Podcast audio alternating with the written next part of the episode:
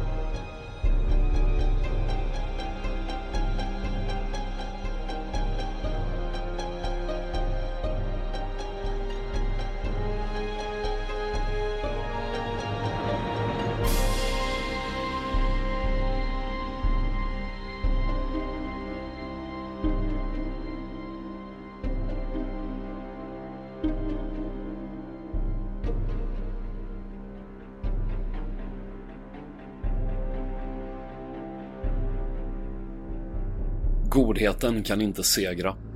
Orden lyste som vore de skrivna i eld framför Noas ögon. Hela sitt liv hade han kämpat för det han trodde på, för det som han trodde var det rätta. Nu visste han att det hade varit förgäves. Åter stirrade han på väggen framför sig, där han skrivit sitt budskap med sin makas blod. En gång hade han varit Atlantis hjälte.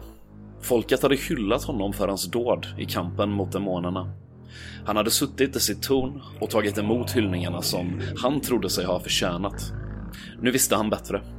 Den eldföddes ord hade raserat hela hans värld och han insåg hur fel han hade haft. Atlantis skulle falla. Människorna var veka och lättmanipulerade.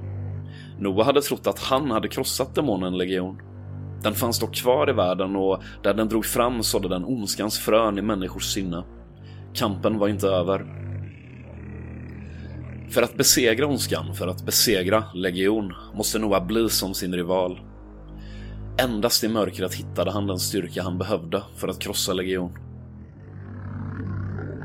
Allt handlade om vem av dem som slutligen skulle stå som segrare, vem som skulle få smaka segerns sötma och med triumferande min betrakta sin fallne motståndare. Rätt och fel, godhet och ondska, var inte det två sidor utav samma mynt? Segern var det enda som räknades och den tillföll den som bäst drog nytta utav det vapen som fanns. Varför dela upp världen i så meningslösa begrepp som godhet och ondska?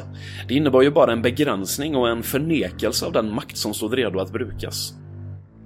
Noah kände hur han greps som av yrsel, blodet rusade i hans ådror och hans muskler tycktes svälla utav kraft. Han såg världen med nya ögon. Han såg människorna som rusade runt nedanför hans torn. Hur små var inte dessa varelser på väg till ingenstans för att uträtta ingenting? Hur patetiska var inte de och deras liv? Nu såg han allt, såklart. Godheten kan inte segra.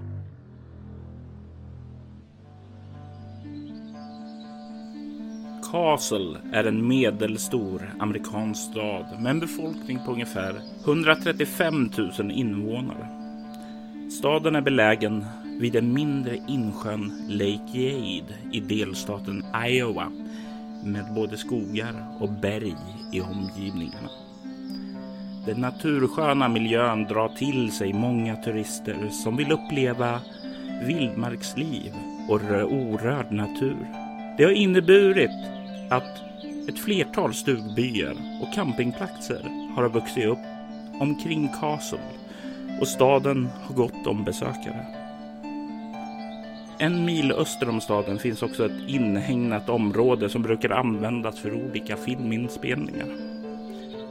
Castle har en ytterst låg brottsstatistik, något som brukar akkrediteras den lokala polisen. Dessa har emellertid stort stöd från Fate i och med att de har sitt huvudkontor i Castle. Det har dock inte alltid varit så.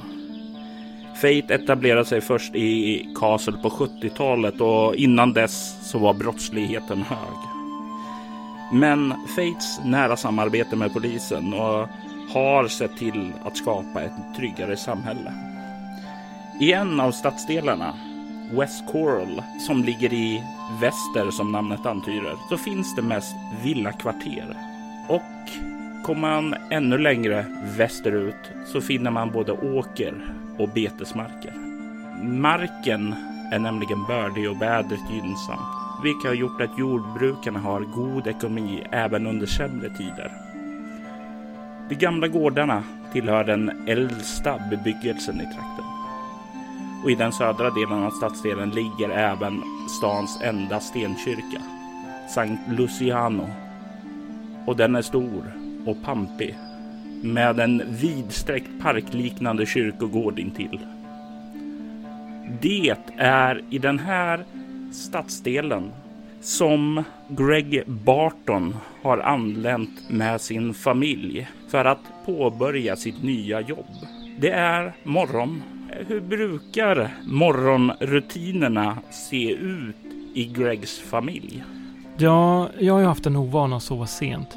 Min fru Florence har tagit med dottern Rain till förskolan varje morgon. De äter frukost innan jag ens har klivit upp. Men nu sen vi har flyttat till Castle så har mycket ändrat sig.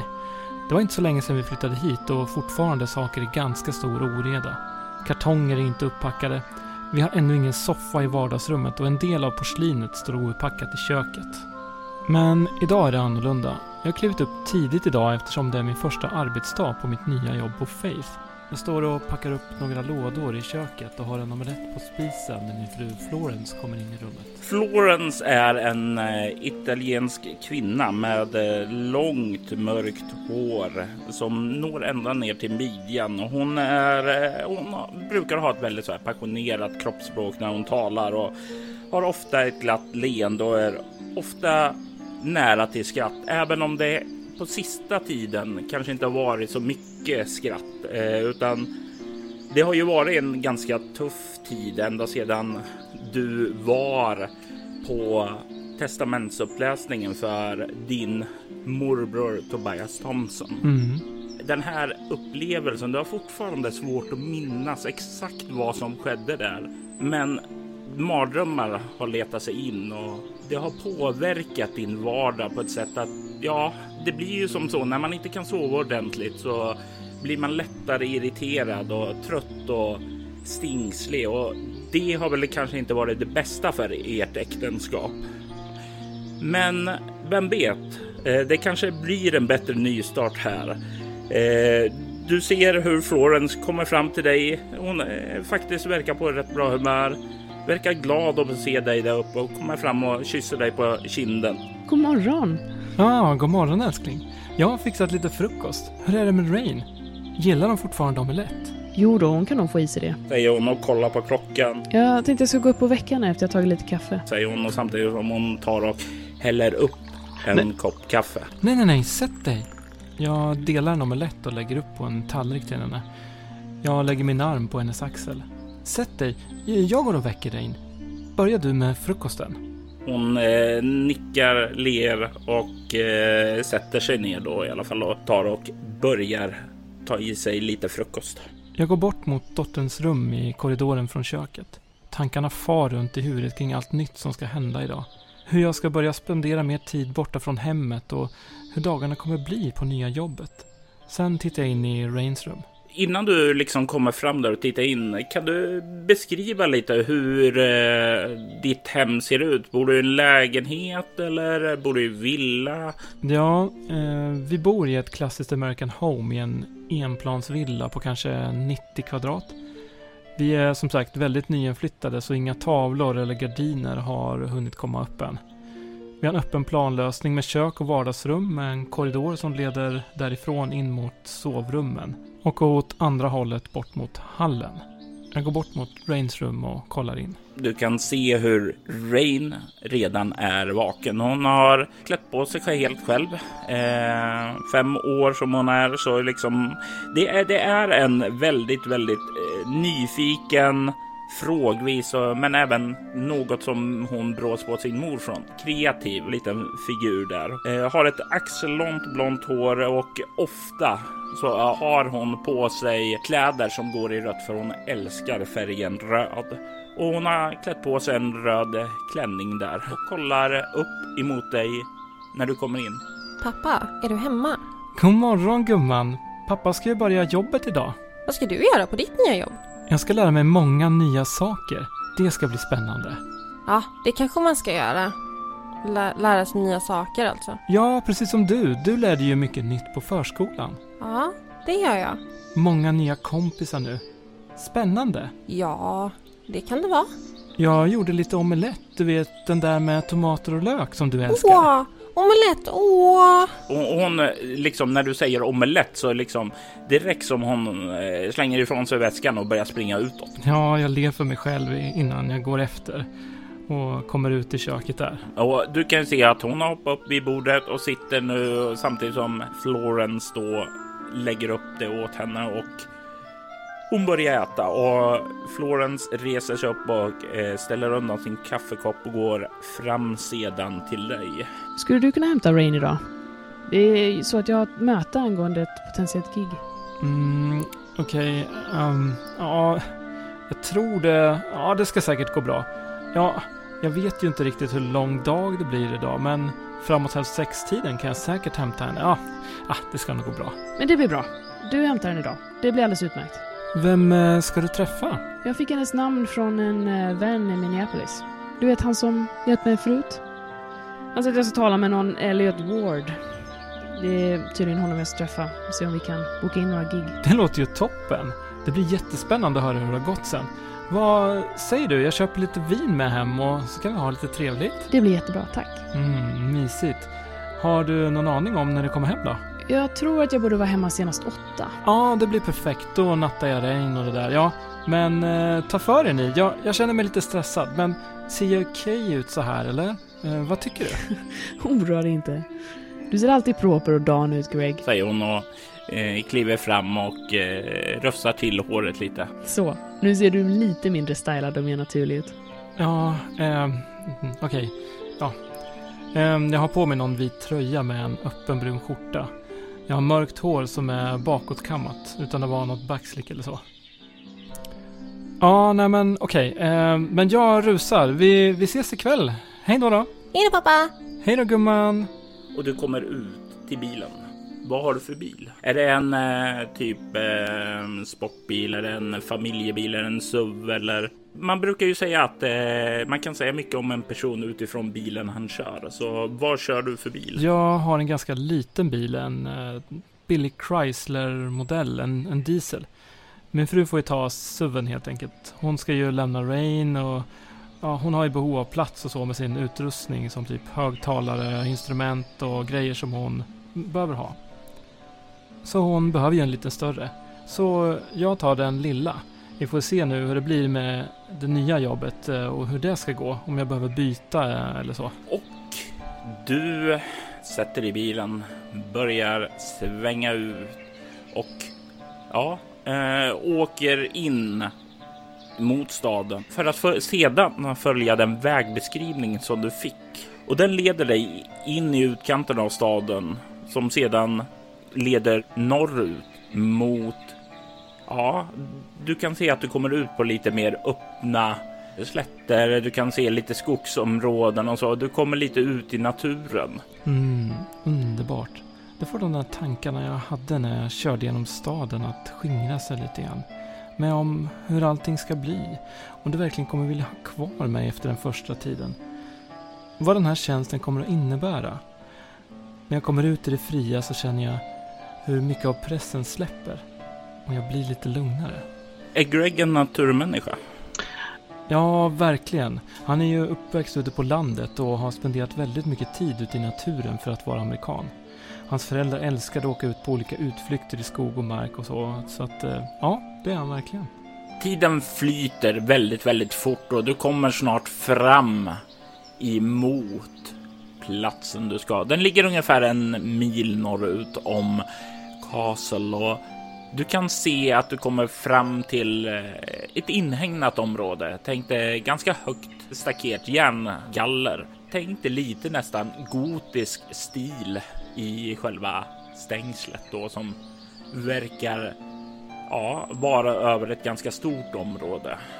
du kan också se att det är en stor huvudbyggnad byggd i sten, nästan lite grann så här herrgårds. Mm. Du kan se åt vänster om den här byggnaden att det finns ett lite mer modernt byggt hus och eh, åt höger så kan du se även att det finns ett flertal, ja, en liten större parkeringsplats där. Men här framme så, ja, är eh, grinden stängd.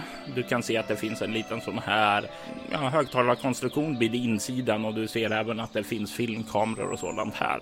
Jag rullar fram och stannar till. Jag vivar ner rutan.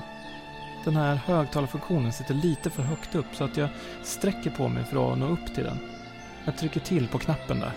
Och du, du hör en röst på andra sidan som eh, ja, säger att du har kommit till Fate och undrar vem du är och vad ditt ärende är. Ja, ehm, hej. Mitt namn är Greg Barton. Jag är här för att träffa Georgie Chase. Ja, du finns noterad här. Eh, jag bussar in dig och eh, du kan parkera på gästparkeringen så länge så kommer ju Jordi att vänta på dig utanför huvudbyggnaden Tack så mycket. Tack. och du ser hur dörren glider upp och eh, du kan köra in. Nu när jag kör in börjar nervositeten komma tillbaka igen. Jag kör fram mot parkeringen och letar efter den här gästparkeringen. Kör runt lite och sen hittar jag den. Jag parkerar på en av dem och är noga med att hamna rätt i parkeringsfickan. Jag låser bilen och kollar mig runt lite.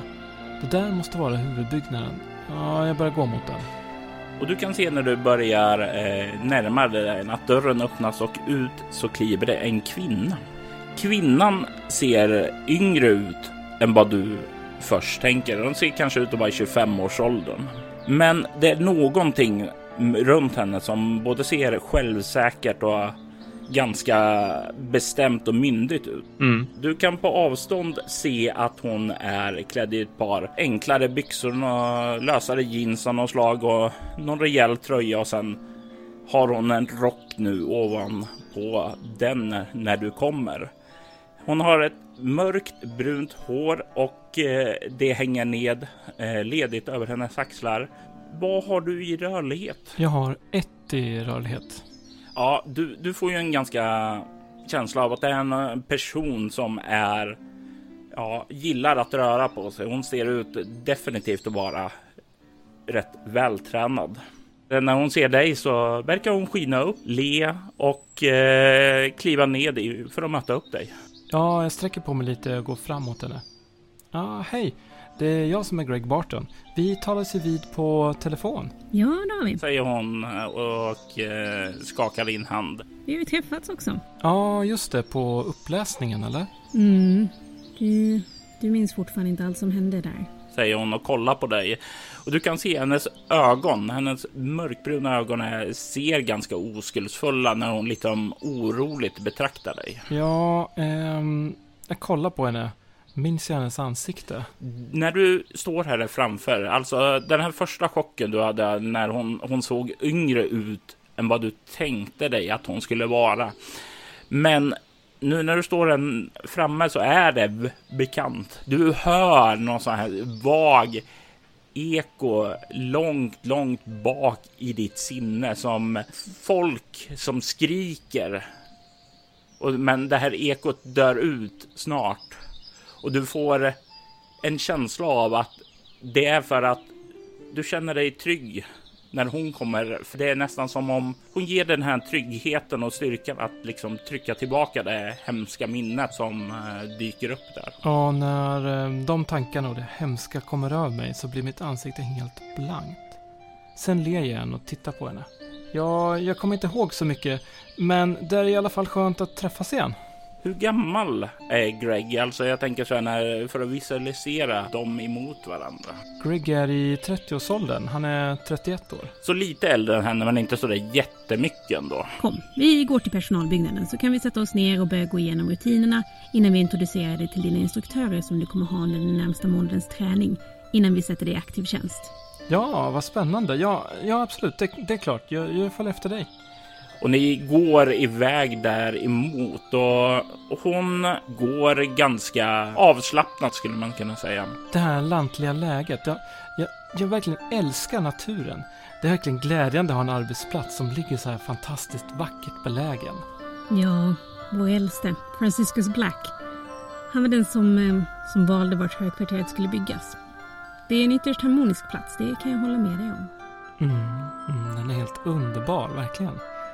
Och ni kommer fram och du kan se hon eh, plockar upp ett kort och drar det genom en sån här läsare och det klickar till i dörren och ni kliver in. Mm. Du kan se hon passera förbi en eh, reception, nickar åt eh, receptionisten som nickar tillbaka, nickar också åt dig. Men inte särskilt mera för eh, du är ju med Jord. Mm. Ni kommer snart in till ett litet konferensrum och eh, du kan se att det ligger redan lite papper framlagda där. eh, Som om Jordi redan har varit här och förberett tidigare. Kaffe eller något annat att dricka? Vill du ha något lättare att äta kanske? Ja, gärna lite te. Och har du något tilltugg så absolut. Hon eh, kliver eh, längst in där och du kan se att det finns en liten så här. Hon tar fram ur ett kylskåp någon så här färdiggjord macka och sätter en vattenkokare på gång där. Och hon eh, lägger ner mackan på ett fat, eh, tar bort plasten och sedan kommer gående medan te pyser där i bakgrunden. Så du är ingen kaffedrickare alltså? Nej, inte direkt. Jag gillar te. Ja, ja, det känns mer hemmavant. Mer naturligt på något vis. Även om kaffe också är naturligt. Men det, det är en sån känsla. Jag uppskattar te mera helt enkelt. vi, vi har alla våra laster. Eh, ja, ska vi sätta oss ner medan teet kokar? Mm, ja, jag sätter mig mitt emot henne. Ja, den här blanketten kan du börja fylla i. Det är de vanliga personuppgifterna. Du vet, nära anhöriga, medicinska tillstånd eller allergier som vi behöver känna till eh, och annan liknande information. Fyll i den så går jag och hämtar te. Um, absolut. Då ska vi se här. Födelseår. Uh, mm, mm, mm, jordnötsallergi. Då ska vi se här. Fru. Mm. Mm, Florence Barton. Um, mm. Ska man fylla i barn också eller? Eh, gör gärna det. Och sätt sedan en ICE, alltså en in case of emergency kontakt om någonting gud förbjude skulle hända. Ja, ja absolut. Det blir min fru Florence då. Jag fyller i min dotter här också, Rain Barton. Mm, jag vet inte. Ah, min adress. Ah, jag plockar fram en liten eh, anteckningsblock som jag har med mig och skriver av adressen. Jag har inte lärt mig den riktigt utan till helt och hållet och vi är så nyinflyttade. Jag skriver av mitt telefonnummer också därifrån. Sen skjuter jag över pappret. Ja men eh, sådär då. Hon har skjutit över te till dig och tar emot det här pappret och sen börjar kolla. Mm. Så du kan både ryska och italienska ser jag. Hur kommer det sig? Ja, min fru hon har ju italienskt påbrå. Vi har jobbat mycket med det faktiskt. Det, det, det var faktiskt så vi träffades lustigt nog. Ja, och ryskan är på min fars sida. Okej, jag förstår. Ja, nej, man vet aldrig när det kan komma väl till pass. När man väl kan språk så öppnar sig nya möjligheter. Ja, men så, så är det verkligen. Ja, jag vet vad du menar.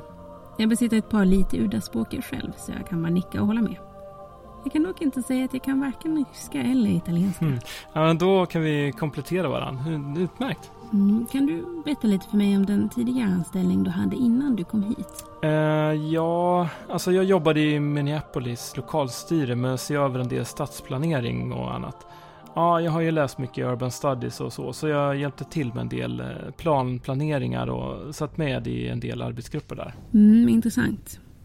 Vi inom Faith har ju, vi har ju en egen byråkratisk avdelning som jag tror att du skulle passa alldeles utmärkt in i, men det är inte egentligen där som jag vill se dig. Mm, efter händelserna uppe i din morbrors stuga så ser jag mer i dig. Jag ser en potential i dig att göra större saker. Uh, Okej. Men jag, jag tänker inte bestämma åt dig utan under de här kommande dagarna kommer du få träffar med olika instruktörer här. Du kommer få träffa bland annat Dr. Magdalena Borodin. Hon är vår ledande psykolog här, faktiskt en av de mest framstående här i USA. Mm, Greg börjar bli lite stel och skruva på sig då hon tar upp det här. Mm, okej, ja. Greg, Utifrån våra tidigare samtal så vet jag ju att du fortfarande lider av mardrömmar och minnesförlust om händelsen vid din morbors testamentsuppläsning. Jag skulle ju rekommendera att du ser till att ta upp det med Magdalena och låter henne hjälpa dig att bearbeta dem. Jag tror att det bara kommer göra dig gott. Det finns en alldeles för stor skepsis i samhället för att ta itu med den här typen av problem. Ja, alltså... Det finns en del saker som jag nog borde prata med Dr. Borodin om. Men... Eh, alltså, kommer det här påverka min anställningsbarhet eller? Nej, vi inom Faith vet att folk som har varit med om den här typen av incidenter påverkas av det och det finns absolut inget stigma kring det. Vi har alla varit där. Jag minns själv att jag som tonåring var med om en liknande incident som du var. Ja, och utan terapi så skulle jag inte vara där jag är idag. Um, mm. Mm. Men eh, Dr. Borodin kommer hjälpa dig och även ge dig lite grundläggande kunskaper om hur du kan tala med folk. Och även hur man pratar med människor som har varit med om incidenter. Ja, okej. Okay, ja, jag brukar inte ha problem att ta folk och så, men, men absolut. Det är ju intressant att höra en professionell åsikt och, och ja. Du kommer även få träffa Dean Maguire, vår säkerhetschef. Han kommer även att se hur pass väl du hanterar stressfyllda situationer. Och också hur du hanterar dig själv i sådana. Säg mig Greg, har du avfyrat ett vapen någon gång? Nej, verkligen inte. Um, um, men uh, jag hoppas verkligen inte att min fars härkomst kommer inverka negativt på en sån här säkerhetsprövning. Han är ju ryss trots allt. Ah, nej, nej, nej.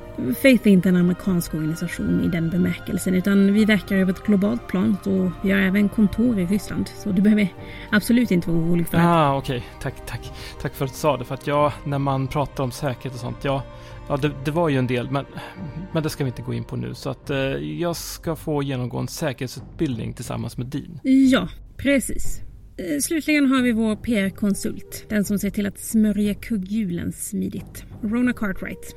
Jag gissar på att det kanske är mm, det område som är mest bekvämt för dig med byråkrati och liknande. Ja, det är någonting som jag har jobbat med i många år så vi ska säkert kunna hitta gemensamma grunder att arbeta ifrån. Utmärkt. Eh, känner du att det är något mer som du vill ta upp innan vi... Mm? Ja, eh, det är några saker. Vilka arbetstider är det som förväntas? Är det 8 till 17 eller i, idag till exempel? Ah, ja, nu, nu under tiden som du genomgår din intensivutbildning så är det vanliga arbetstider som gäller, 9 till 5. Men eh, när det väl är dags för tjänstgöring kommer ditt schema förmodligen se ganska annorlunda ut. Då kan du vara bortrest i tjänst och eh, du kommer då ha längre ledighet och du väl är tillbaka. Det låter ju underbart att få spendera tid tillsammans med Rain då. Eh, min dotter, hon är fem år och, och den här veckan kommer jag ha en del hämtningar så jag kommer behöva åka vid femtiden. Men det låter som att det ska kunna gå att lösa det, eller? Ja, nej, det är, det är inga problem. Barn ska prioriteras. Ja, utmärkt. Då så. Absolut. Annars kommer jag nog framöver ha en massa frågor. Jag ser det här som en nystart och jag är så spänd på att se vad det här kan leda faktiskt. Jag hoppas verkligen att jag ska kunna bidra till Faith och på ett bra sätt med min kompetens. Absolut. Hon reser sig upp, samlar ihop papperna, stoppar in dem i sin mapp och säger Så, vem av instruktörerna vill du träffa först? Ja, eh, tack. En sista sak som jag vill vara väldigt tydlig med, alltså Jordi. Får jag kalla dig Jordi? Det går alldeles utmärkt att kalla mig Georgie. Miss Chase är min mamma. Ja, eh, den förvecklingen vill vi ju inte göra. Eh, eh, ursäkta, jag menar ingenting dumt. Jag, jag, jag ville säga bara att eh, om, om det är någonting som dyker upp, vad som helst, så vill jag gärna att ni säger det på en gång. Om det är någon förändring som behöver ske på något sätt. Jag hoppas verkligen inte tar upp det i så fall på en gång. Okej? Okay? Absolut. Vi ser till om det är något. Du kommer att få kontinuerlig feedback under din träning. Du kan se om hon står och liksom studerar dig och du får en känsla. Ja, vi kan se vad du får exakt för känsla. Du kan slå ett skräckslag med utstrålning mot svårighetsgrad 7. Okej, okay, um, 10 kommer jag upp i.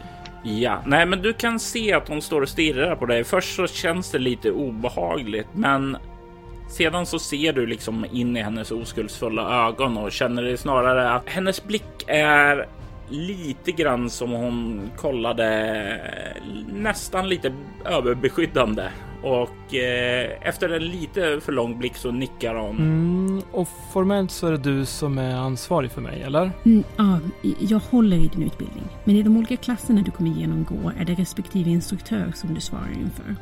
Det är Dr. Borodin, Dean eller Miss Cartwright. Vad har du i kameleont? Fyra. Du lägger märke till en sak där.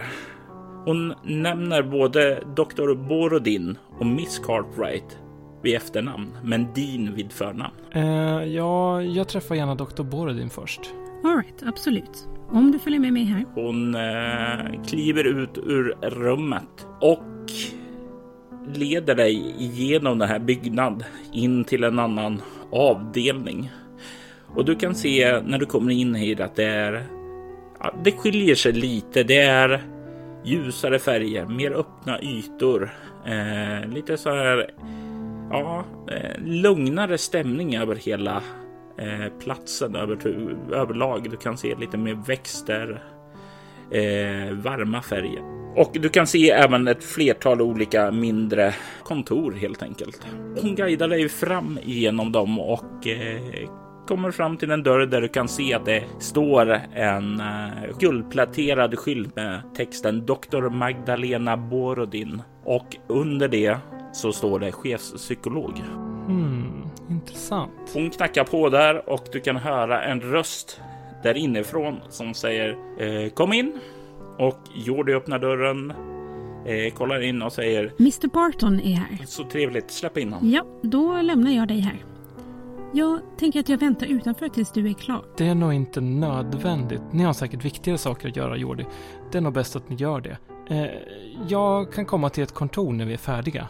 Alright, lycka till. Tack så mycket. Jag tar den i hand. Och hon skakar den. Och jag går in i rummet med den öppna dörren. Doktor Magdalena Borodin sitter bakom eh, skrivbordet. Hon är en kvinna i ja, 35 till 40 årsåldern klädd i kläder som är eh, ganska neutrala. Hon har en klänning på sig, men det är ändå en sån här liksom passande för ett arbete som hon innehar. Mm. Hon har ett eh, vågigt mörkbrunt hår, har ett ganska avslappnat kroppsspråk, ler när hon ser dig och säger eh, välkommen Mr Barton, säger hon samtidigt som hon reser sig upp. Tack så mycket, tack. Jag går framåt henne med ett stort leende. Det ska bli spännande att se vad ni har att visa mig, Dr. Borodin. Eh, hon eh, sträcker fram handen och säger tack. Nöjet är helt på min sida och eh, väntar på att du ska ta hennes hand. Mm, jag tar hennes hand. Tack så mycket, tack. Och liksom när du skakar det så har hon, ja, hela hennes utstrålning är väldigt så här empatisk och eh, väldigt mjuk på ett sätt som gör att det känns lite av det här kaoset som cirkulerade i ditt liv. Eh, det här kaoset som du inte riktigt minns vad roten är till det. Annat än att det skedde där uppe vid den här testamentsuppläsningen.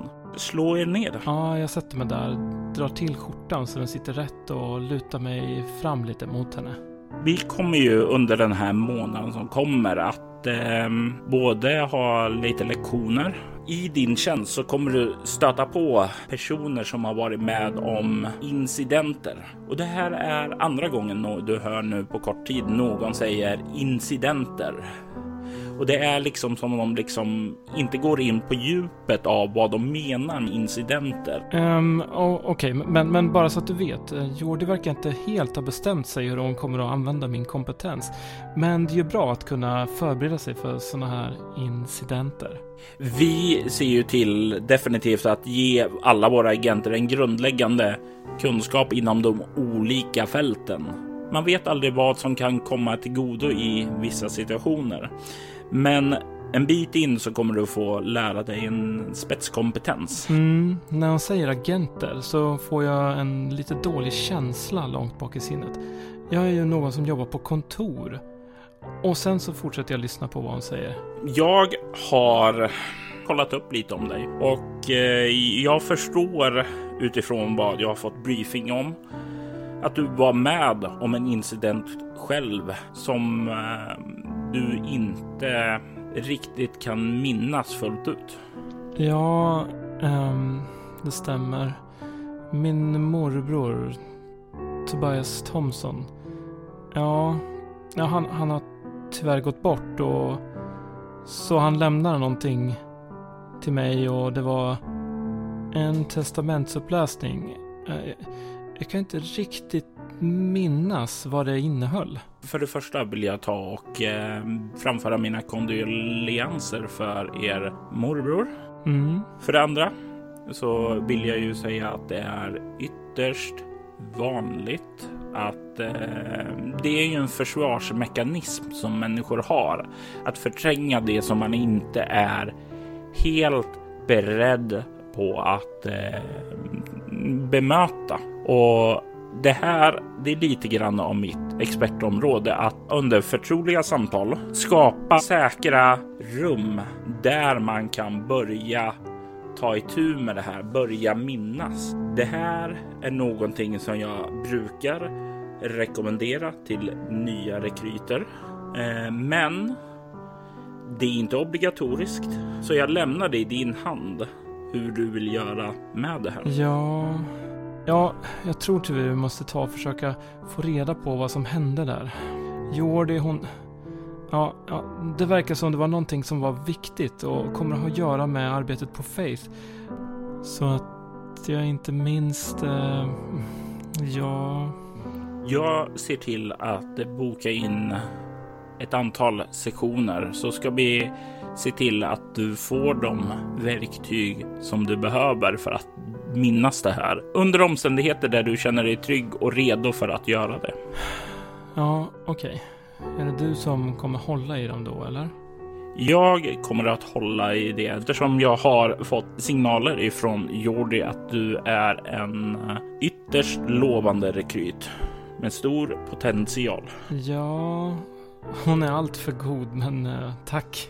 Sedan liksom så ni så satte det där så ja, eh, så talar hon väldigt eh, avslappnat med dig om ah, ja, men under den här månaden kommer vi att gå igenom det här. Vi kommer att eh, diskutera om de här metoderna. Vi kommer ge dig lite på fötterna här. Om du dessutom eh, vill få spetskompetens så kommer vi även gå in på lite djupare det här och eh, ge dig verktyg inom kris hantering och den typen av saker också. Även hur du kan hjälpa till och eh, ta hand om traumaoffer och liknande. Ja, det låter ju som väldigt bra verktyg. Har något upplägg för det här? När, när börjar vi? Idag så kommer det bara vara att vi har introduktioner i eh, våra olika områden medan Jordi sedan också kommer att ta och bekanta dig med området. Jordi kommer sedan sätta ihop ett schema utifrån dina önskemål och liknande och vi sätter igång med de olika kurserna och träningen i, under morgondagen. Okej, det, det låter ju bra. Så vad behöver vi veta från mig idag? Jag har eh, under våra samtal faktiskt fått ut en hel del av de saker jag behövde. Jag tror jag börjar fått en liten känsla för dig. Om jag tar och berättar lite vad jag tror om dig så får du säga hur pass eh, väl det stämmer. Absolut, lycka till. Du kommer från en relativt välställd familj, men att du inte har levt i ett liv i lyx. Ja, det stämmer. Du är inte uppfostrad av en särskilt konservativ familj heller, utan en mer, ja, vad ska vi säga, en eh, mer öppensinnig och mer fri fa- familjeidyll. Det... ja, det... Hur har du fått reda på det? Har du kollat upp mina föräldrar eller? Nej, eh, vi släpper ifrån oss under samtal många små olika ja, tells under hur vi, eh, ja, både i kroppsspråk och hur vi väljer att uttrycka oss. Och det är sådana här saker som jag kan lära dig att plocka upp under samtal också. Eh, för vi säger väldigt mycket med vår kropp, med hur vi uttrycker oss utöver våra ord. När hon säger det här så lägger jag huvudet på sned och ser fundersam ut. Och sen nickar jag. Det låter spännande.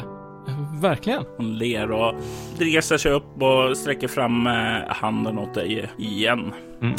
Trevligt att träffa dig. Får jag kalla er Greg? Självklart, eh, Miss Borodin. Eh, Doktor Borodin. Du kan kalla mig Magdalena. Jag ska kalla dig Magdalena. Eh, jag skakar hennes hand. Hon nickar sedan åt dig och slår sig ned Mm. medan du börjar röra dig utåt. Mm.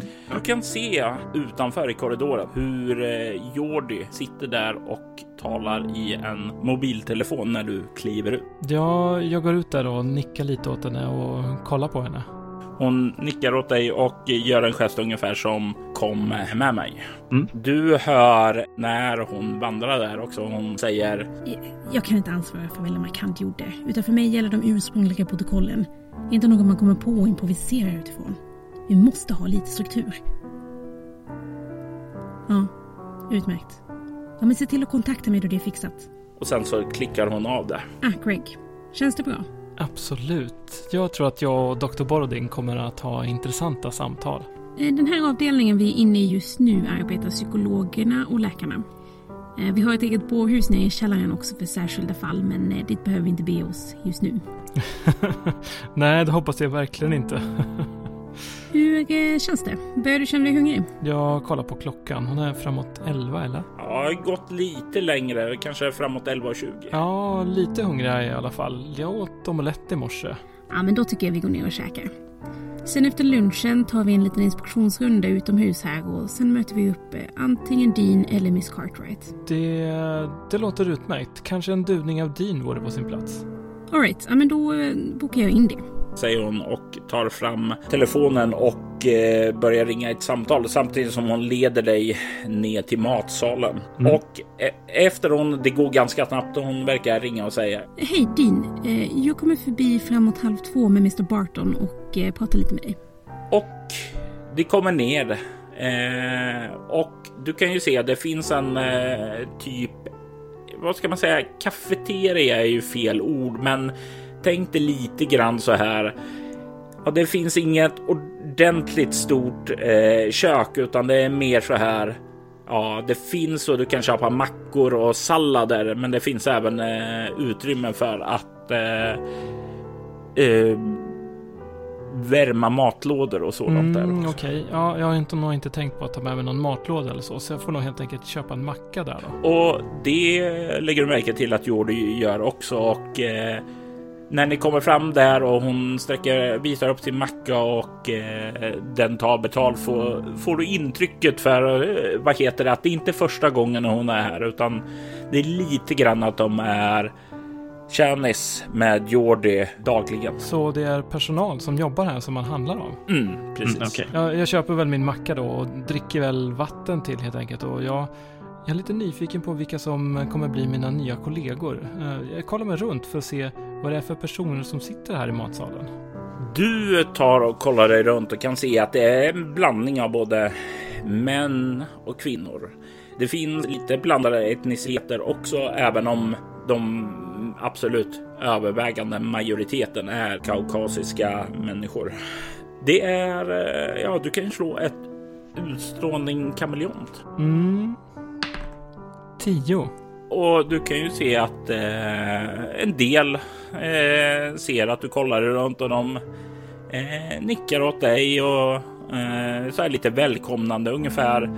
Ja, eh, lite grann som om de har varit igenom samma som du liksom har varit nya så här och de är väldigt måna att få dig också känna dig välkommen. Mm. Ja, jag nickar mot dem och sätter väl mig med Jordi och börjar käka. Ni tar efter lunchen tar och kliver ut ur den här personalbyggnaden för att ta er runt på området för att se lite vad som finns där ute. Greg, ni kliver nu ut ur själva byggnaden och Jordi tar med dig iväg eh, och börjar gå längs en stig runt den här stora huvudbyggnaden som påminner lite grann om en herrgård för att komma bort på baksidan. Hon kollar lite på dig och säger Hur ehm, är det med din kondition, Greg? Ja, den är väl, den är väl okej får man väl säga. Jag brukar jogga och ta lite långpromenader och sådär. Och det här är ju, ja, kolla mig runt liksom och bara super in den här atmosfären. Det här området bjuder verkligen in till utomhusaktiviteter. Så jag tror att den kommer bli allt bättre. Hon eh, ler eh, när du säger det och verkar nöjd med ditt svar och visar dig lite runt på baksidan. Du kan se att det finns en sån här, tänk dig lite grann sån här nästan friidrottsarena. Alltså det finns löpspår, det finns även lite andra såna här, ja, vad ska man säga?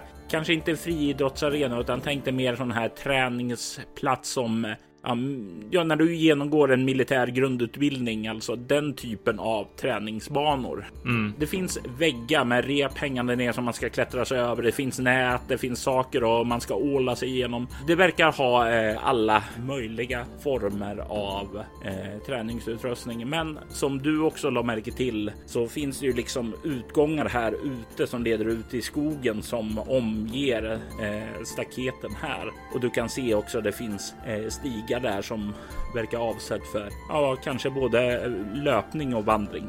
Mm. Det är väldigt, väldigt naturskönt här. Mm. Och du kan höra även lite fågelkvitter.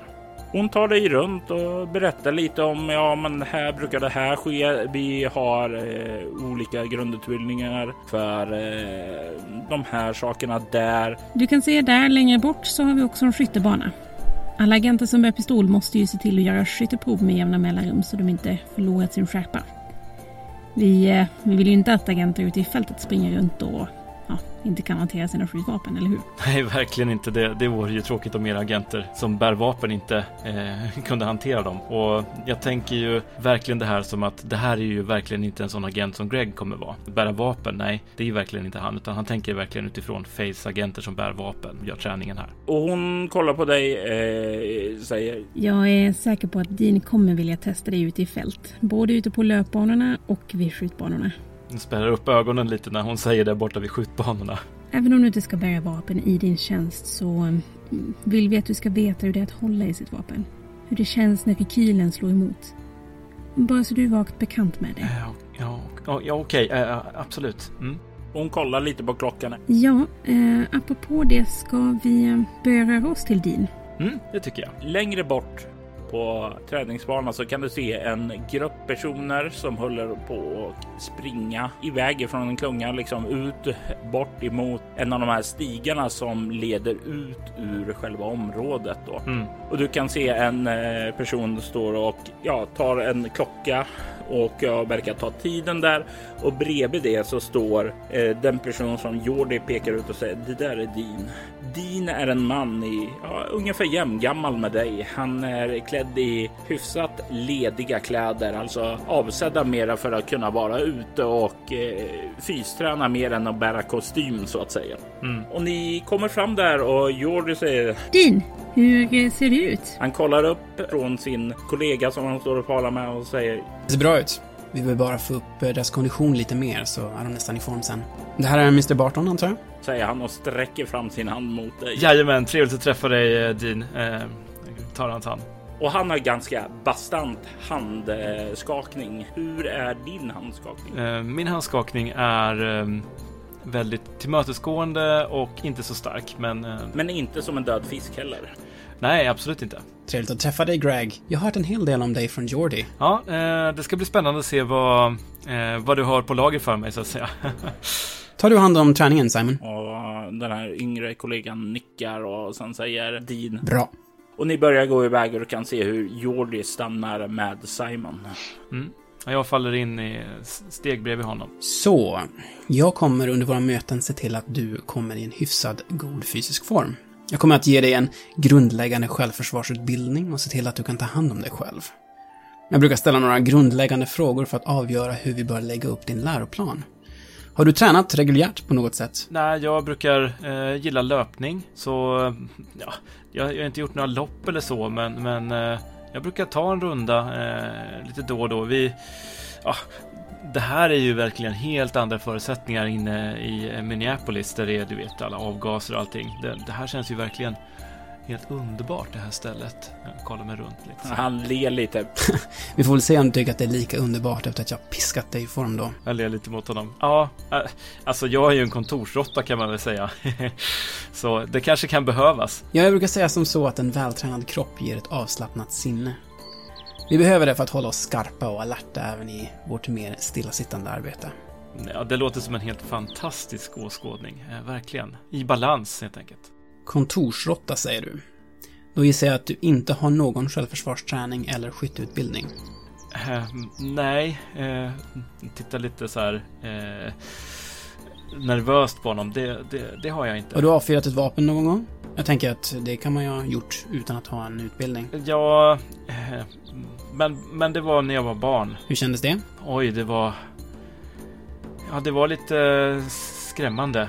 Ja, det var på min pappas sida. Ja, du vet, ja, de är ryssar hela bunten och ja, mycket sprit och, ja, och så stod vi där och så skulle, de sköt på några burkar och, och så ville de att jag skulle skjuta. Ja, jag säger som så att jag inte förordar att skjutvapen används tillsammans med alkohol. Nej, det, det var vad min pappa sa också. Sen, sen sa han att vi skulle gå hem.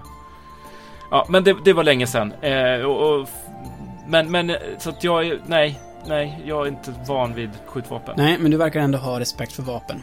Man ska vara lite rädd för vapen, då undviker man misstag. Jag kommer dock se till att du får testa på det och känna på hur det känns. Eh, att bli träffad eller? Nej, att avfyra ett vapen. Ja, ja, ja. Eh, okej, okej. Ja, ursäkta, såklart du menar att skjuta, ja. Om du sedan väljer att ta de mer avancerade kurserna med mig så kommer vi även ha riktiga övningar ute i fält. Inte med riktiga vapen då, utan med paintballgevär. Bara för att du ska få känna hur det är i mer skarpa situationer. Jag vill helt enkelt ge dig en grundläggande utbildning så att du ska kunna klara dig bra ute i fält. Ja, eh, okej, okay, då, då, vet jag. Han ler lite. Avfärda det inte riktigt ännu, utan låt det sjunka in. Kanske kan vi väcka den ryska björnen i dig. Man vet aldrig vad man går igång på förrän man testat på det. Nej, men vi, vi får väl testa, får vi göra. Eh, och jag antar att du visar mig hur man ska göra. ja, men självklart. Det är själva poängen med det hela. Att du ska lära dig grunderna. Så att du inte kan någonting om det här är inget hinder. Nej, okej. Okay. Han går runt där lite och introducerar. Okej, okay, här kommer vi att göra de här övningarna framöver. Eh, målet med dem är att du ska lära dig det här.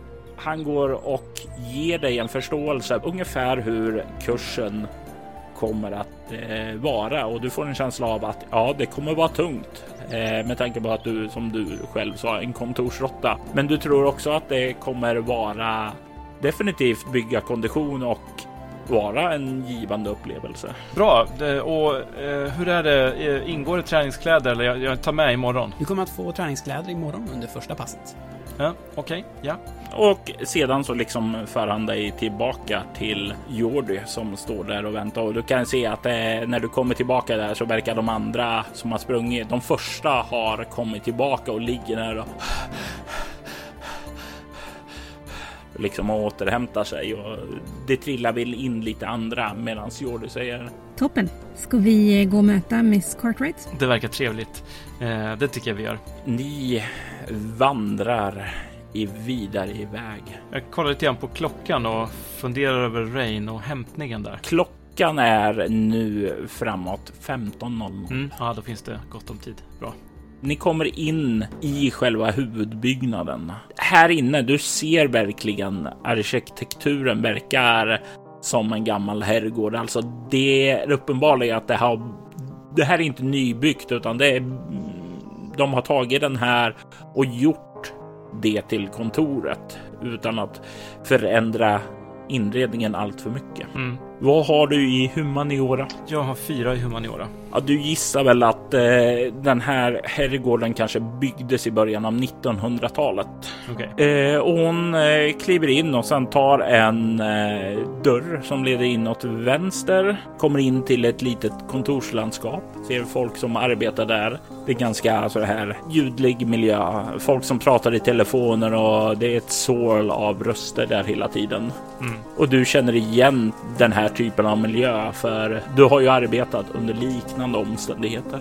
Mm. Hur känns det att komma in bland dina gelikar så att säga? Är det en skön känsla eller påminner det lite grann mer om vad du har lämnat bakom dig? Eller hur känns det? När jag kommer in här så är det dels det här att komma tillbaka in efter att ha varit ute i den fria, vackra naturen. Komma in här i den här gamla byggnaden som har viss gammal tung känsla. Kommer, kommer in här i landskapet som ändå känns som att de har ja, de har jobbat på här för att göra till en bra arbetsplats. Och, ja, eh, det känns bra. Det är ungefär som det jag jobbade förut och då börjar minnena komma tillbaka kring sluttampen i eh, Minneapolis. Och, ja, jag får väl en liten reserverad känsla. Jordi kliver bort till eh, det stora kontoret längst in. Du kan se samma typ av skylt som eh, var på Dr. Magdalena Borodins kontor. En sån här guldpläterad skylt där det står Rona Cartwright. Men du kan se inget titel här utan eh, Jordi knackar bara på och kliver sedan in efter att en röst där inne har sagt åt henne kom in. Du kan se när ni kliver in där att det är ett kontor. Det finns ett ganska så här högt eh, skrivbord eh, för en person som står upp. Du kan inte se några stolar här inne och du kan se Miss Cartwright som ser ut att vara i 40-årsåldern har en sån här headset som hon talar i just nu och eh, klädd i en ganska sån här strikt eh, kostym. Hon är ganska slank, lite blek, långt mörkbrun, eh, nästan lite på gränsen till röd nyans i det som eh, nickar åt dig och håller liksom upp ett finger och verkar avsluta samtalet innan hon tar av sig headset och säger Mr Barton, eh, välkommen, välkommen. Och sen kollar hon Jordi. Eh, ja, du kan lämna oss nu. Och Jordi nickar och kliver ut och stänger dörren. Tack så mycket, eh, Miss Cartwright. Det var verkligen angenämt att få träffa dig. Ni ser ut att ha trevligt kontor här tycker jag. Tack, tack, tack, tack. Eh, jag föredrar att man står och arbetar. Ger mig bättre pondus när jag talar i telefon också. Ja, precis. Och det är dessutom bra för ryggen. Jag, jag kände själv, jag har jobbat i kontor i, i ett antal år, att ja, men man, man får lätt lite ont när man sitter hela dagarna. Så det, det är ju helt klart bra att, att stå upp. Tricket är att inte stå med raka ben utan att böja lite på knäna. Då kommer det, dina ben att tacka dig också. Men vad jag förstår utifrån den briefing jag fått så har du arbetat inom eh, byråkratins malande kvarnar som eh, Jordi brukar uttrycka sig. Ja, det, det kan man väl säga. Um, det är ju ett eh, väldigt intressant men ibland lite ja, långsamt kan man väl säga. att komma till skott med saker och ting men eh, det är bara att kämpa på. Ja, vad vi gör här är ju ofta att smörja hjulen helt enkelt. Alltså Fate är ju en global organisation som arbetar som konsulter åt olika lagväsende på en global marknad. Det här gör att våra agenter har lyckats efter vårt företags långa eh, existens har lyckats skaffa sig ganska bra ja, förmåner att kunna arbeta. Vi kan kopplas in på fall, vi får tillgång till bevis, eh, grundläggande saker som inte andra konsultverksamhet har eftersom vi har nära kopplingar. Mm. Och lite grann det som vår uppgift här är ju att hjälpa våra agenter att eh, kunna fungera ute i fältet, att de får rätt stöd och sådant. Och vad jag kommer att göra för dig, alltså du har ju inga grundläggande kvar. Jag behöver inte lära dig om hur olika organisationer fungerar, var du ska vända dig och sådant. För jag tänker utifrån det jag har sett i din fil att det här är sådant du kan. Jo, precis. Eh, det, jag känner väl till hur samhället fungerar och vilka man, man vänder sig till och så vidare. Eh, absolut, eh, det gör jag. Så att, eh, ja, nej, men det ska bli intressant att höra lite mer i detalj vad det är som eh, ni faktiskt gör här eh, på Face i, i de här frågorna. Ja, för det är ju det som jag tänker att vi kommer att gå in på vad sysslar vi med specifikt? Vad är våra arbetsuppgifter och vad är de viktigaste sakerna utifrån vårt perspektiv? Men även om du är ute i fält, vad bör man tänka på då? Mm. Och om du väljer att följa mina avancerade kurser så kommer vi att fördjupa den här kunskapen. Eh, kommer även också att hjälpa dig att eh, bygga ett eget kontaktnät och den typen av saker. För mycket så som vi sysslar med, det är ju att eh, se till att känna folk på rätt platser. Mm. Ja, okej. Okay. Det låter intressant. Men ni, som, som, du var inne på lite grann, ni jobbar alltså Alltså med eh, jurister och, och även polisväsendet, eller? Vi brukar väldigt ofta kallas in av eh, polisväsendet vid särskilda incidenter eh, för att eh, hjälpa till att utreda dem. Våra agenter har större erfarenhet och kunskap om dessa än polisen mm. och ofta har våra agenter då också varit med om incidenter så de är bättre rustade för det än vad vanliga poliser har. Och det är ju någonting som hjälper att lösa fallen. Okej, okay, så då är det juridik som är en av de områdena ni jobbar med alltså? Absolut. Det ingår en del där också. Okej, okay. mm. ja intressant. Och hon eh, sedan eh, tar lite fram så här kursplanspapper till skillnad från andra som muntligt har berättat det och gått igenom det. Borodin väldigt pedagogisk eh, och eh, Dean som är kanske lite mer så här. Ja, men kom igen nu. Det här kommer bli jätteroligt tillsammans. Lite så här peppande och sådant. Så är det liksom. Det märks att Rona är en eh, salesperson. Alltså hon har liksom bullet points, väldigt professionellt uppställt, så här snabba klatschiga eh, argument för allting och det, det känns väldigt, väldigt tydligt där vad de olika uppgifterna sedan kommer att vara. Mm, mm. Ja, det här är ju. Det här är ju intressant. Jag kollar igenom den. Finns det så här läsanvisningar och allt möjligt eller? Det här är ju introduktionsmaterial, men det finns ju liksom också så här hänvisningar. Ungefär så här kurslitteratur kommer under den här kursen att tas upp. Ja, nej, jag kollar igenom och ja, nej, men det här. Det ser ut som ett bra upplägg.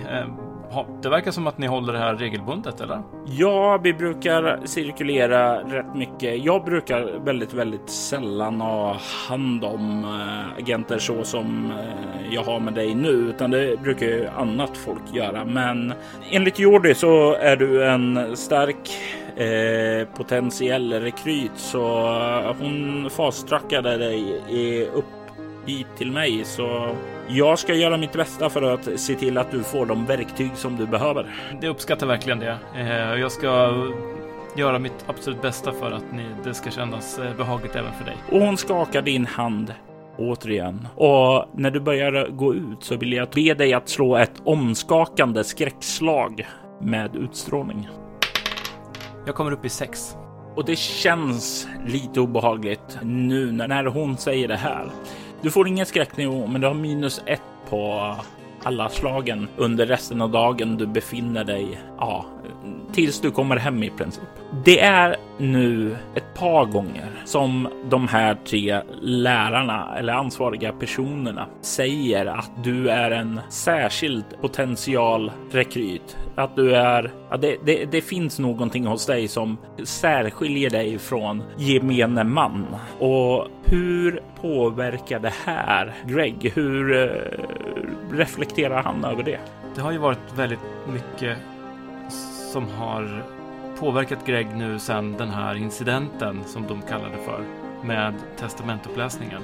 Och på något sätt så tänkte sig Greg att han skulle komma ifrån den här dåliga känslan. För, för liksom, men på något sätt så förstärks den här känslan av att det är någonting som inte står rätt till med Greg det är något konstigt med honom. Och, och vad, vadå särskild agent eller särskilt begåvad? Han är inte någon särskilt begåvad. Visst, han, han fick bra betyg i skolan och sådär, men här och, och hålla på med skjutvapen och, och som psykolog. Och han känner sig mer snarare tvärtom malplacerad. Det, han skapar en förvirring. Du kommer ut och kollar ner på klockan och ser att eh, den börjar det har gått mer tid än du tror. Det är en bit efter fyra nu och du kan se hur Jordi står där utanför. Mm, Jordi. Greg, du ser lite blek ut. Är det mycket att ta in? Ja, det är en sak som jag funderar lite på. Och hon gör en gest åt dig att kom, låt oss gå ut härifrån. Ja, jag vandrar efter.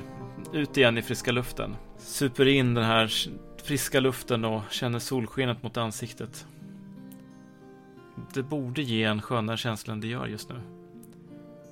Eh, ja, alla verkar ta upp att jag är speciellt utvald av dig. Va? Jag förstår inte riktigt.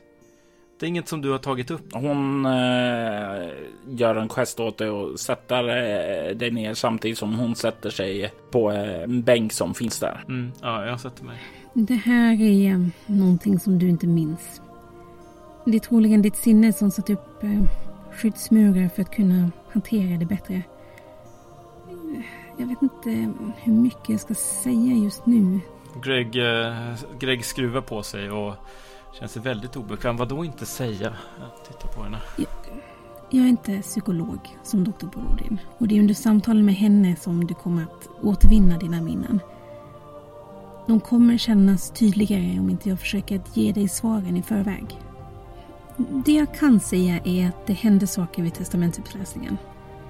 Jag vet inte exakt hur, hur allting började eftersom jag kom dit senare men eh, det var en incident som lämnade intryck. Du hanterade dock bättre än vad de flesta andra brukar göra. Okej. Ja, ja, du har ju sagt att du var där vid uppläsningen men jag minns inte mycket av det ansikte känns vagt bekant. Men... Ja, jag drar handen genom håret, suckar och tittar ut över vidden.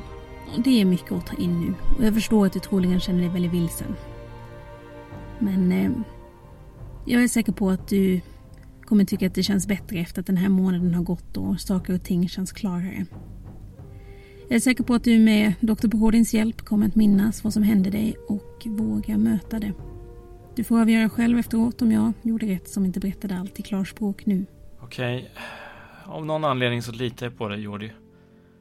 Jag tror nog att jag kommer hit imorgon också. Ja, det hoppas jag verkligen att du gör. Och jag tror även att det är en bra idé att du beger dig härifrån nu om du ska hinna hämta din dotter. Har jag kollat på klockan och... Ja, ja, ja tack så mycket. Eh, jag får väl jobba senare någon annan dag, men... men ja, he, he, hej då så länge så syns vi imorgon klockan åtta. Klockan åtta, ja. Stämmer bra. Det gör vi. Ha en trevlig eftermiddag. Jag reser mig från bänken och skyndar ner mot eh, parkeringen mot min bil. Vad går igenom din eh, huvud när du kliver in i bilen och börjar köra hem? Det är allt det här som jag inte minns. Jag försöker att minnas vad som hände där egentligen. Någonting som jag har låtit bli att tänka på. Försökt stöta bort. Men vad var det egentligen som hände? Vilka var där på uppläsningen? Var min mormor där? Min morfar? Antagligen. Ja, de var ju ändå Tobias föräldrar. Jag kanske skulle haft med mig Florence. Hon, hon, hon brukar kunna se saker på, på ett klart sätt. Eller ändå inte. Med tanke på... Det här kanske är en väg tillbaka trots allt. Jag... Ja, jag vet inte. Slå ett utstrålningsskräckslag mot svårighetsgrad 10. Eh, för när du sitter och tänker så börjar du bli allt mer uppspelt. Eh, och du har minus ett. Mm. Fem får jag. Du känner hur hjärtat börjar slå allt mer när du försöker tänka på det där. Och hur saker och ting, du, du börjar känna mer stressad, det är så här kallsvettig och, och sådant. Och du kan ta två skräcknivåer. Du kan slå ett eh, lätt slag med kropp, fordon. Sex.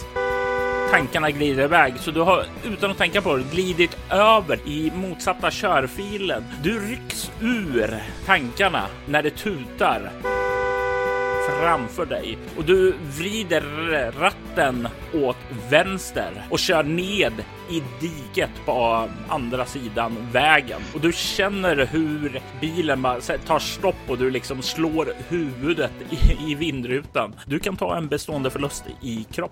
Det ryker ifrån bilmotorn. Jag, hur ska jag ta mig till jobbet imorgon? Hur, oh, det, det, kommer, hur ska jag hämta Rain? Hur ska, hur ska jag ta mig till jobbet imorgon? Jag måste låna Florens bil, men, men hon ska ju iväg. Hur... Hur... hur eh, eh, ja... Det, det, ryker, det rök... Det, ah, uff, jag känner mig i pannan och ser blodet. Jag försöker att, spänna loss säkerhetsbältet och Det, det, det är inga problem att få loss det. Det är ingen så här jättekrasch utan det, det är ju som sagt var, det kunde ha varit mycket värre. Jag öppnar upp bildörren och skakig i hela kroppen tar, tar jag mig ut och ställer mig och kollar på bilen.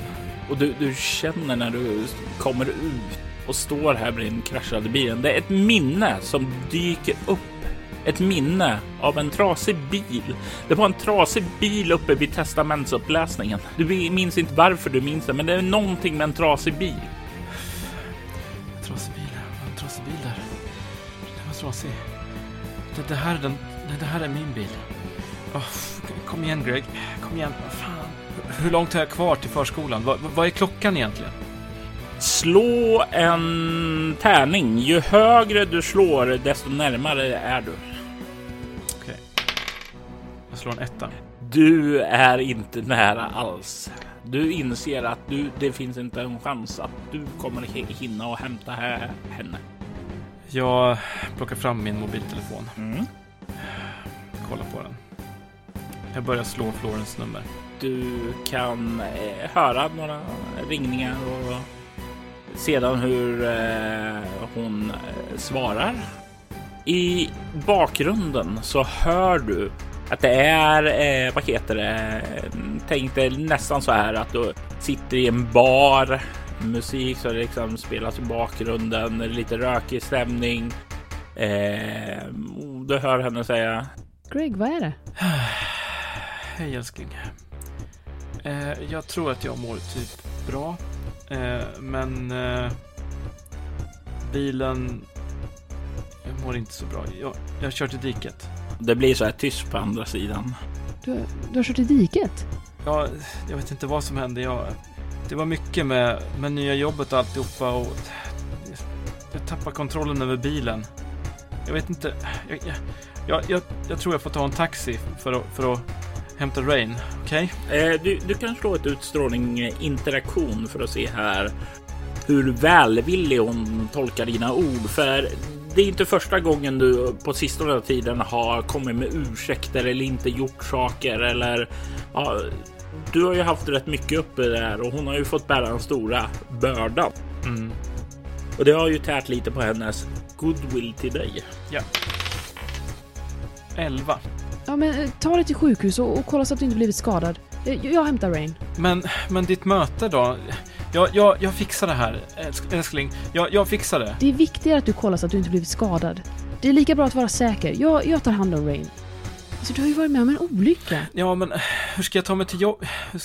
Ja, okej, okay, okej. Okay. Vi kan lösa alla detaljerna sen. Sjukhus först. Verkstad sedan. Ja, okej. Okay. Eh, ja. Eh, he hej då. Jag lägger på. Jag kollar mig runt.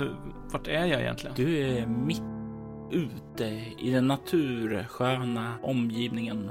Du kan se skogen bre ut sig lite längre omkring dig och lite längre in mot staden så kan du se slätterna öppna upp sig. Jag är en bra bit utanför kasen med andra ord. Ja. Okej, skit. Det här kommer inte bli lätt. Eh, jag vad är, vad är klockan? Klockan är nu 16.45. Du hör hur en bil stannar på andra sidan och en dörr öppnas.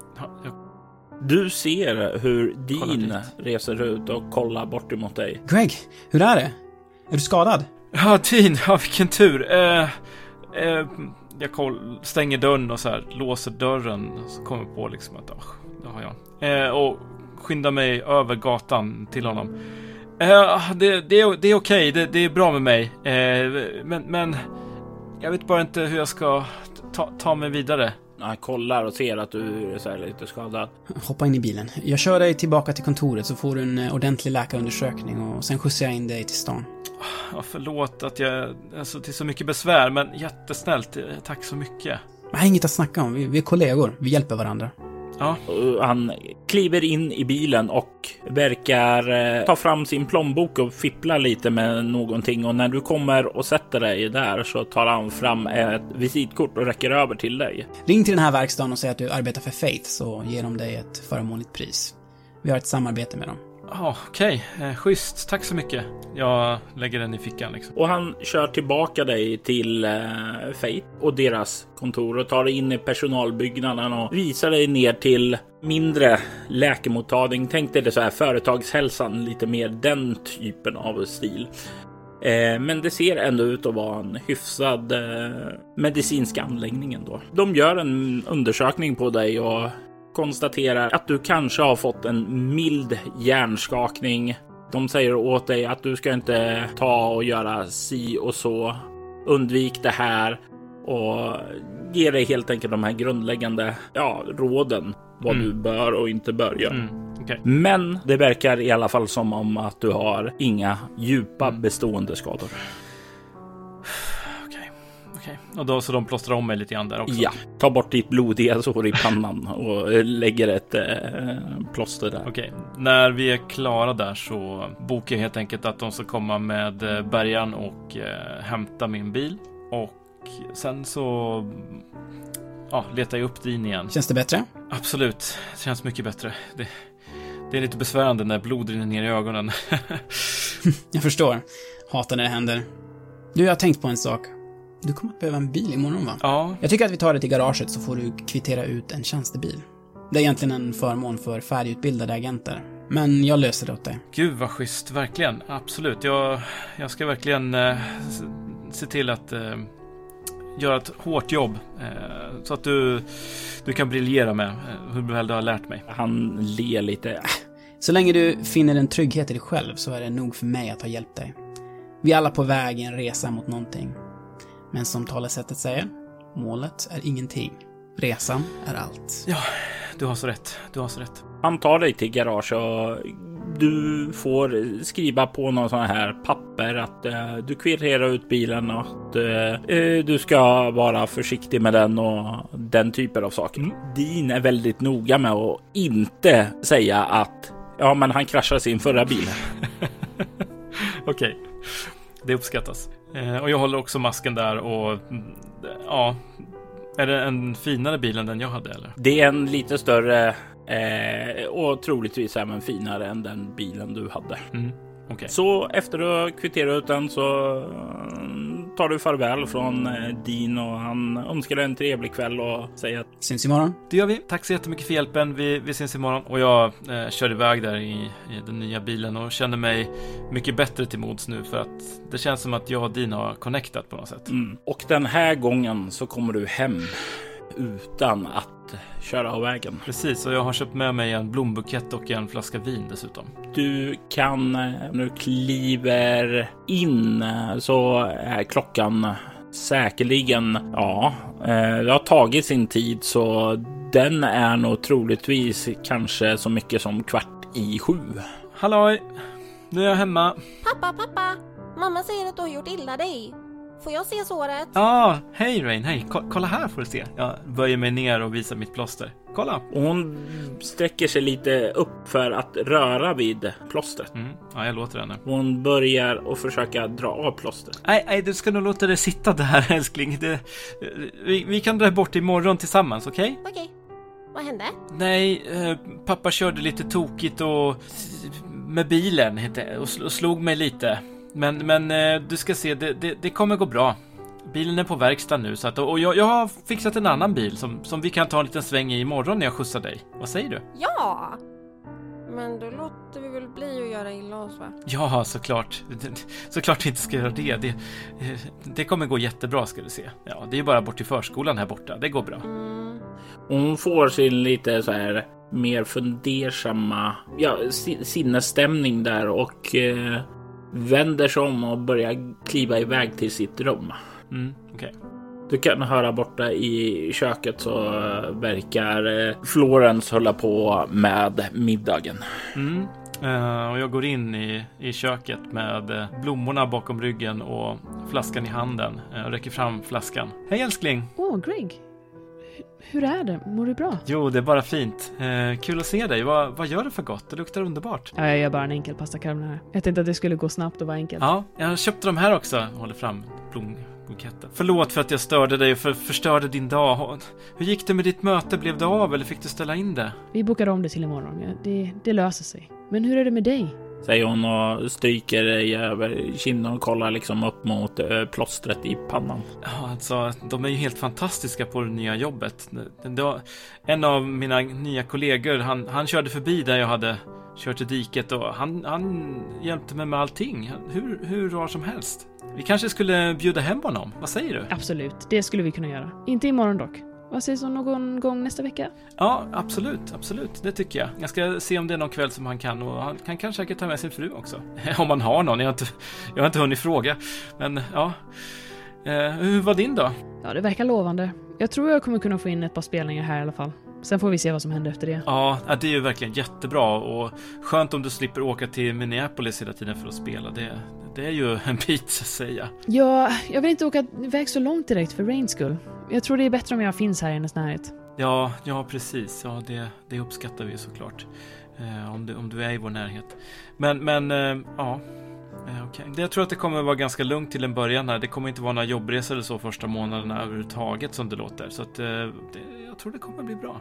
Det här känns bra. Säger hon och böjer sig fram och håller om dig. Hon omfamnar dig. Det är som om det finns här en värme. En värme som du inte har känt på ett bra tag. Inte sedan innan testamentsuppläsningen efteråt när du kom tillbaka och du kände dig trasig så har ah, hela tiden funnits en distans emellan er. Men det är som någonting har skett här nu när hon har sett dig i skada, när du ser din omtänksamhet, när du pratar om det här jobbet så är det som om det känns bra igen.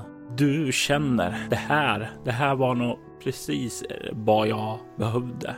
Kanske står jag en lysande framtid till möte inom Faith. Noahs sista drag är ett äventyr skrivet av Robert Jonsson till rollspelet Bortom och gavs ut av Mylingspel. Statistroller i detta avsnitt är Moa Fritjofsson som Florence Barton Liv Vistisen Rörby som Rain Barton.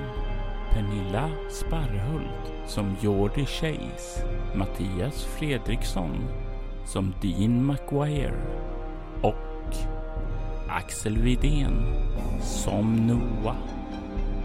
Avsnitten har redigerats av Robert Jonsson och Gustav Rutgård och ljudläggningen är gjord av Robert Jonsson. Temamusiken till Noahs sista drag var skapad av Per Holmström. Övrig musik gjordes av Adrian von Ziegler och Jon Lahtinen. All musik används med respektive artist tillstånd. Soloäventyret hittar du på Facebook. Vill du följa oss i sociala medier så kan du gilla antingen Bortom eller Soloäventyret på Facebook. Om du söker på andra sociala medier-kanaler så kan du säkert hitta oss där. Och med det så vill jag säga tack för att du har lyssnat.